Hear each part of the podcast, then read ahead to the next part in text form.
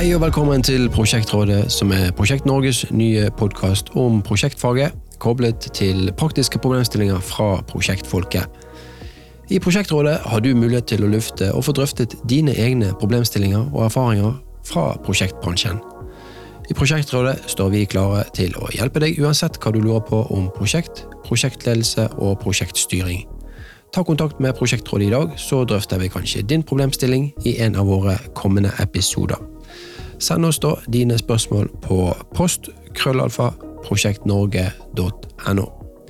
Mitt navn er Alexander Strand, og jeg har fått gleden av å skulle lose oss gjennom disse diskusjonene i Prosjektrådet. Og med meg har jeg fast rådsmedlem Bjørn Andersen, som er professor ved NTNU og senterleder for Prosjekt Norge. I hver episode har vi òg med oss to rådsgjester, og i denne episode fire, som er del to av en dobbel innspilling, har vi de samme gjestene som i episode tre, nemlig Hanna Maria Jones, som er konstituert prosjektdirektør for NTNU Campus Utvikling, og Ståle Gjersvold, som er konsernsjef i Trønder Energi.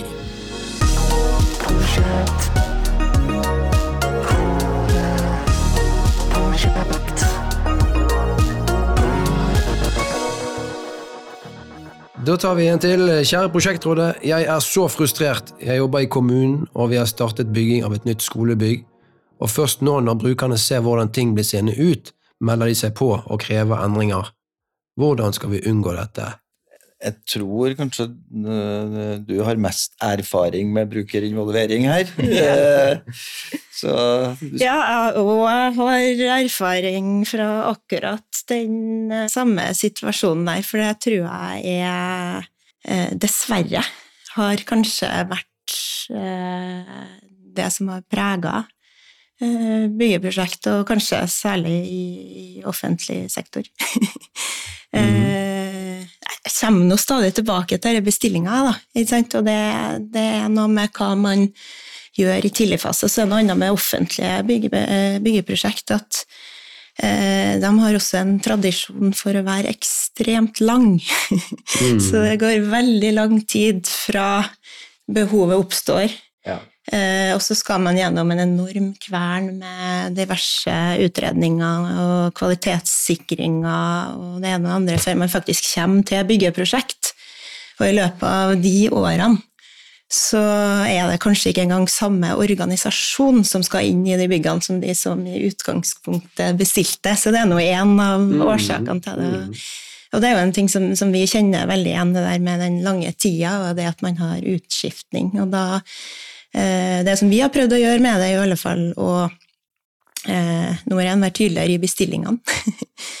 eh, prøv å eh, stille krav til byggeprosjektet egentlig om eh, mest mulig altså Det er noen som sier fleksibilitet, eh, og så er det andre som bruker ordet elastisitet. Men poenget er at du er nødt til å kunne planlegge mot et eh, bevegelig mål. Fordi at den organisasjonen som skal inn i bygget en gang i framtida, kommer helt sikkert ikke til å være den samme og ha de samme behovene som eh, det var når man starta å bygge. Eh, så vi prøver på en måte å være Start på toppen, definere målene veldig, veldig godt. Eh, og så gå ett hakk videre, og så prøve å definere klart og tydelig for virksomheten hva er det som må til da, for å få gode bygg som faktisk virker. Mm. Eh, og så er det jo noe med å ha en sporbarhet da, hele veien fra de store, luftige, kanskje av og til litt sånn svevende ambisjonene, og det å klare å hele tida omsette eh, ned til konkrete mål, og etter hvert faktisk helt ned til prosjekteringsstandarder, den biten der. Så det er jo litt ja, sånn som jeg var inne på i stad, med mm. å ha sånne kvalitetsmål. da.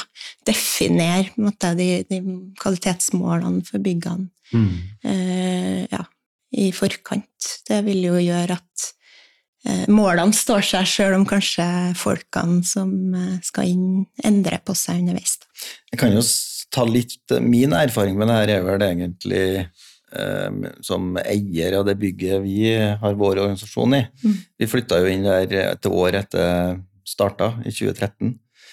Eh, ni år sia. Eh, og den gangen så var det veldig mye brukerinvolvering. eh, veldig store oppfatninger, og det her ble sånn. Og så har det jo organisasjonsendringer og behovet vært eh, gjort at eh, i dag eh, er det jo et helt annet både bruk av bygget, en helt annen organisasjon, og det er helt andre samarbeidskonstellasjoner. Så litt avhengig av type organisasjon, så hvor, hvor, hvor mye fleksibilitet skal du ha? Mm. Det, jeg tror fleksibilitet er i hvert fall i et kontor eller et bygg hvor du har ulike organisasjoner og ansatte, så tror jeg det er ganske avgjørende. For endringer skjer raskere og raskere. og Kanskje ikke i en skole, men i hvert fall i, i næringslivet. Og det viser at fleksibilitet er viktig. Og så til slutt så tror jeg at det, til spørsmålet til innsenderen da, Det er jo aldri for seint å involvere, for folk jo, altså, har jo et behov for å mene noe om ting Uh, uansett, så selv om en har kommet litt sent i gang og litt skjevt ut, så tror jo jeg du, du kan fortsatt berge berge eh, positiviteten i organisasjonen hvis du bare ikke eh, glemmer litt det som ligger bak, og så begynner involveringa nå, da. Mm. Og så er det en annen feil som ofte gjøres, da. Det er at uh, man skal programmere eller prosjektere, og så går du inn og så skal du ha brukerinvolvering, og så går du inn og så spør du hva vil du ha. Ikke så direkte, men, men uh, i store trekk så er det det som skjer.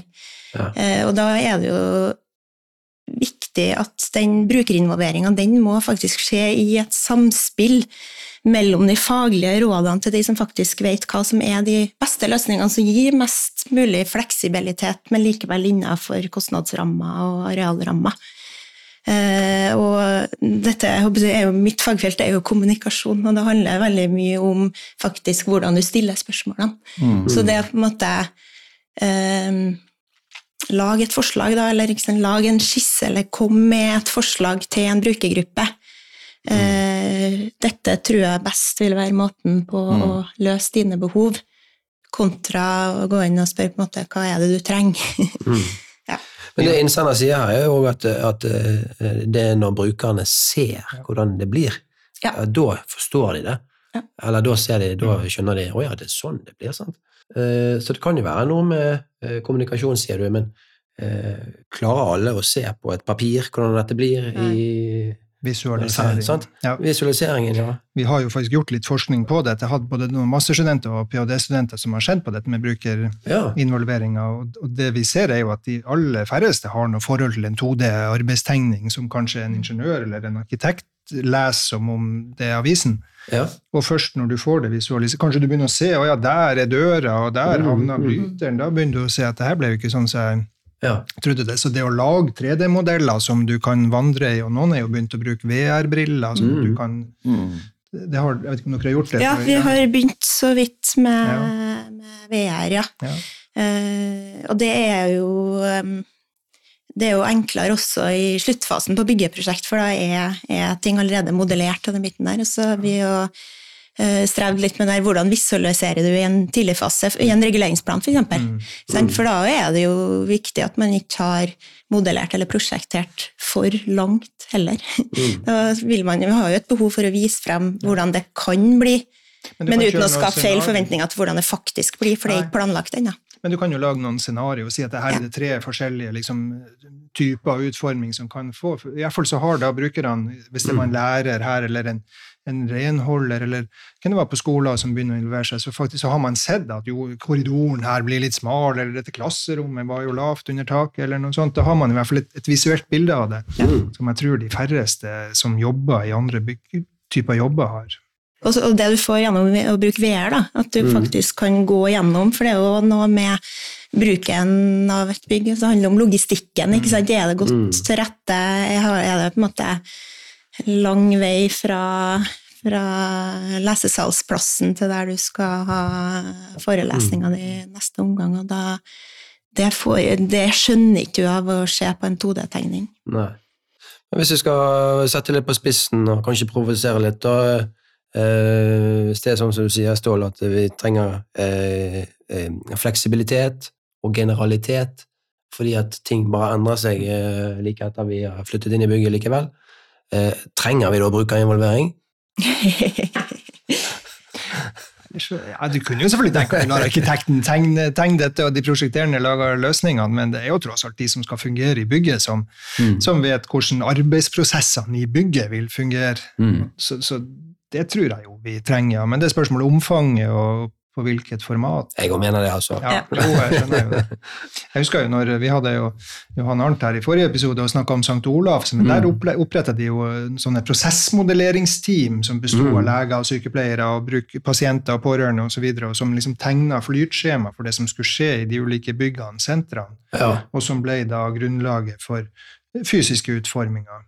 Men, mm. men, uten at brukerne direkte satt i detaljer. Da var det mm. mer logistikken, bruken, flyten i bygget som var, mm. som var grunnen. Ja, og vi er jo der fortsatt, men, men det, er, det, er, fortsatt krevende med Det er fortsatt for mye 2D-verktøy eh, man har da, til å kunne gjøre mm. eh, god brukerinvolvering. Og så tror jeg den Brukerinvolveringen handler ikke bare om selve prosjektet. Sant? Det handler om det som skal skje etterpå, den virksomheten som skal være i det bygget, og den effekten som prosjektet skal skape. Sånn at innsender her er veldig frustrert sant? og jobber, har sikkert veldig fokus på selve prosjektgjennomføringen, men eh, det er jo viktig å tenke på bruken etterpå og den effekten prosjektet skal gi. da. Mm. Mm. Man kan jo tenke på seg sjøl hvis du skal planlegge en innredning til huset ditt, mm. og så ser du for deg at ja, men jeg må ha kjøkken eh, mot vest, for da får jeg sola sånn og sånn, ikke sant, og så skal jeg ha TV-en i det hjørnet. Og så tror jeg at det vil ha færrest mulig trapper, eller kanskje flest mulig trapper. Og så ser du det på tegninga, og så tenker jeg om, og så er det jo først når du flytter inn, at du finner ut hvordan du mm. egentlig vil ha det. Og mm. sånn er det jo for, for folk. Det er ikke før du tar det i bruk, at du faktisk erfarer hva som funker, og hva som ikke funker. Absolutt. Vi tar uh og hopper videre, tar, tar, vi et siste spørsmål her før vi runder av. og eh, Dette er et litt annet perspektiv. Hallo, dere i Prosjektrådet. Dette virker som et bra initiativ. Min utfordring er at vi som entreprenør ser at jobber som utlyses, eh, der stilles det en rekke krav som vi ikke kan møte. Hvordan kan vi påvirke dette slik at utlysningen blir mer realistisk? Dette er jo kanskje en av de entreprenørene som ikke ga tilbud i det første spørsmålet. Ja. Snakka vi jo litt om, om, dialog. Da var vi kanskje mer fokusert på byggherren. altså Hva bør byggherrene gjøre? Men jeg tenker jo mm. entreprenører òg, både gjennom bransjeforeninger og dialog med, med, kunder de har i sitt omland, eh, bør jo mm. være med og, og, og, snakke om hva er det vi kan levere, og hva, hva er krav som, som, er fornuftig for oss, og hva går for langt. og eh, Ser, altså Nå er det jo mange som ønsker utslippsfrie anleggsmaskiner, f.eks. Mm. Alle liksom sette krav om det, omtrent. Så ja, finnes, det ikke nok maskiner i landet til å kunne Sant. levere. Så da må man jo være litt proaktiv og påvirke og si at det her, dette må enten gradvis innføres, eller, mm. eller, eh, man må standardisere disse kravene, sånn at det blir lettere for oss som entreprenør å, å forholde oss til. Mm. Kanskje jobbe gjennom bransjeforening som EBA eller BNL, eller jobbe med oss i Prosjekt Norge. Der har vi både entreprenører, byggherrer og rådgivere med. Og, mm. Jeg husker jo et prosjekt vi hadde i Statsbygg. Ja, det var vel TNU-prosjektet nede på Elgsetergata, tror jeg det var. Mm. Um, uansett, uh, der hadde vi da dialog med entreprenørene i en sånn uh, konkurranse med løsningsforslag. Og da fikk vi tilbakemelding om at her har Statsbygg stilt altfor mange skal-krav. Mm. Det skal være sånn, det skal være sånn, det skal være sånn. Eh, og kanskje til og med målsetninger og skallkrav som, som går mot hverandre. Sant? Dette funker ikke. Så eh, da fikk vi tilbakemelding om at her burde dere stille kanskje litt færre skallkrav og litt mer bør-krav. Hva tenker dere om det? Er det en vei å gå? Det som i hvert fall uh, en, i oljebransjen i større og større grad uh, gikk inn på, det var jo funksjons krav istedenfor mm. uh, detaljbeskrivelse av uh, hvordan ting skulle leveres. Mm. Jeg er litt usikker på byggebransjen hvordan det er, uh, er der, men det er klart det gir jo, gir jo entreprenøren større muligheten til å, til å legge frem løsninger som møter de funksjonskravene som ligger der, istedenfor å kanskje kompromisse på masse detaljkrav. Mm. Og det Så det stiller jo også litt større krav til samarbeidet mellom, mellom leverandør og, og kunde. Og hvis jeg vil si én ting som eh, frustrerte meg litt, og som jeg tror kanskje også gjeldende i, i, uh, i byggebransjen, det er at det er mer og mer en totalentreprenør, og som, som liksom uh, kjører underleverandørene ganske hardt på pris, istedenfor å ha langsiktige samarbeidsrelasjoner.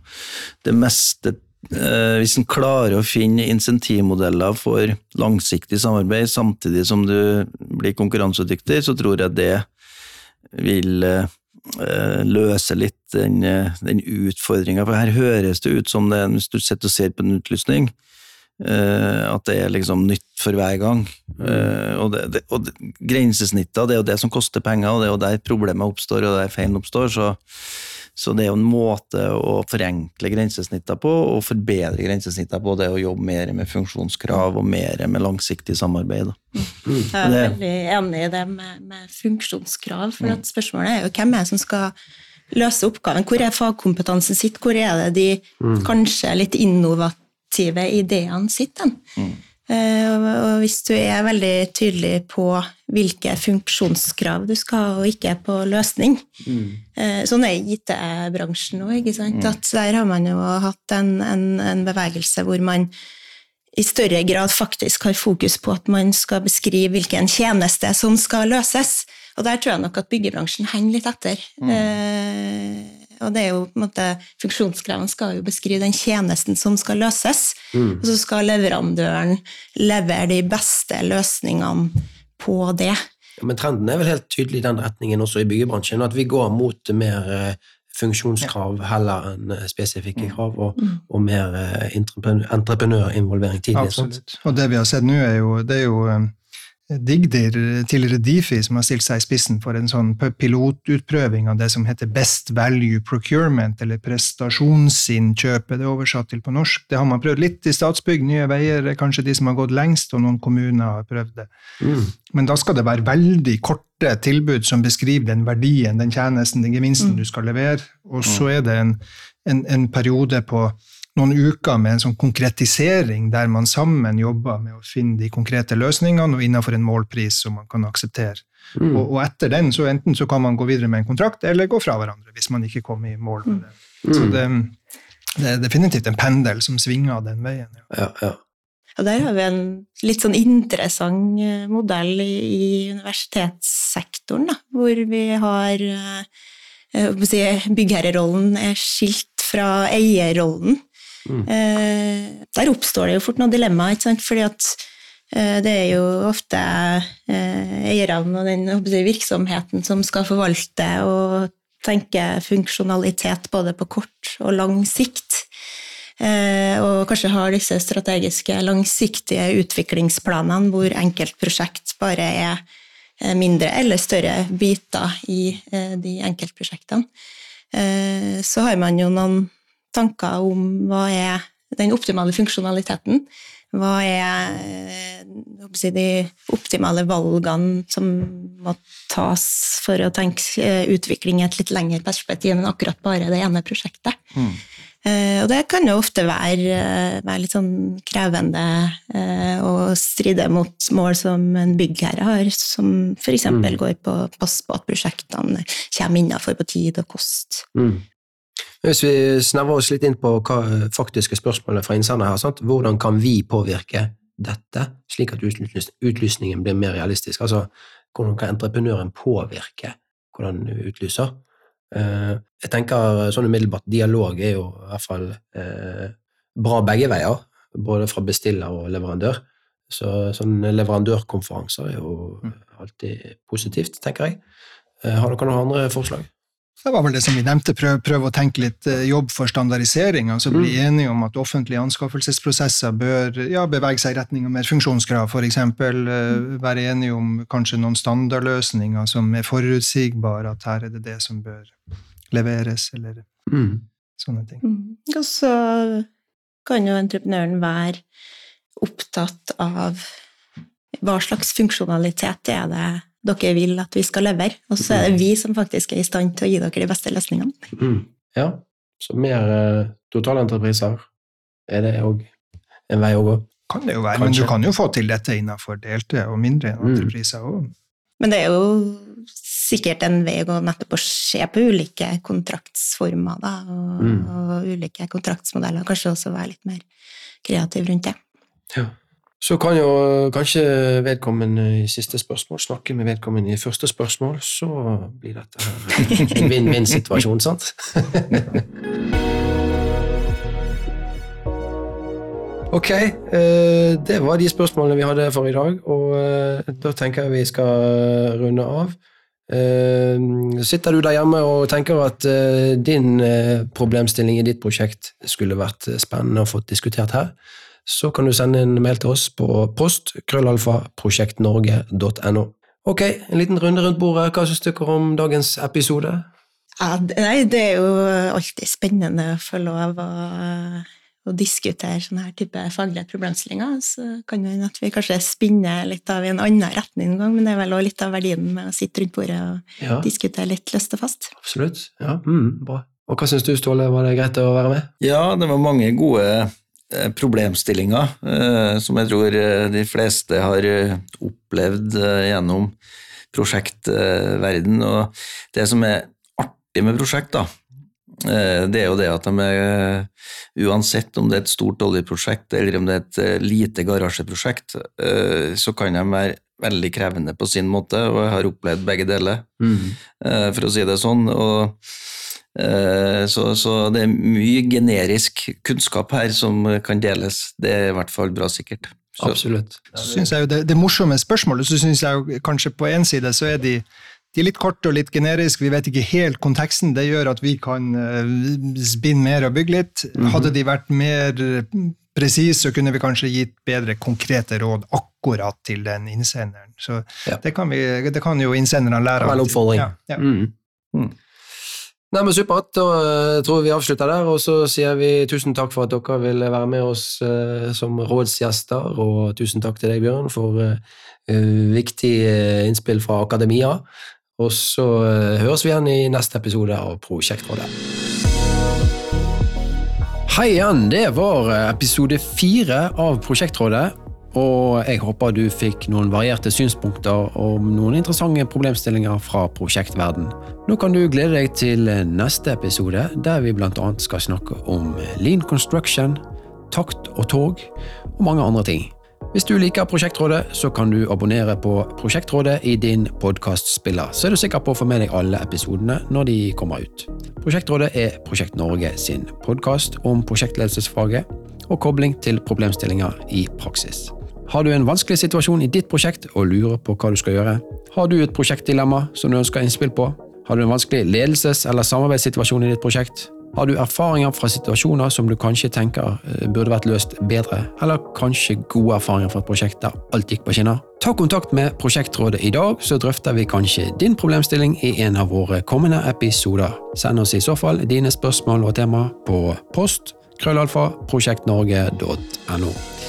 Lytt gjerne òg til vår søsterpodkast Prosjekteffektpodden, som du kan finne på prosjekteffekt.no, eller der du liker å høre podkast. Prosjektrådet er produsert i samarbeid med T2 Prosjekt, og mitt navn er Alexander Strand, og jeg ser frem til vi høres i neste utgave av Prosjektrådet. Så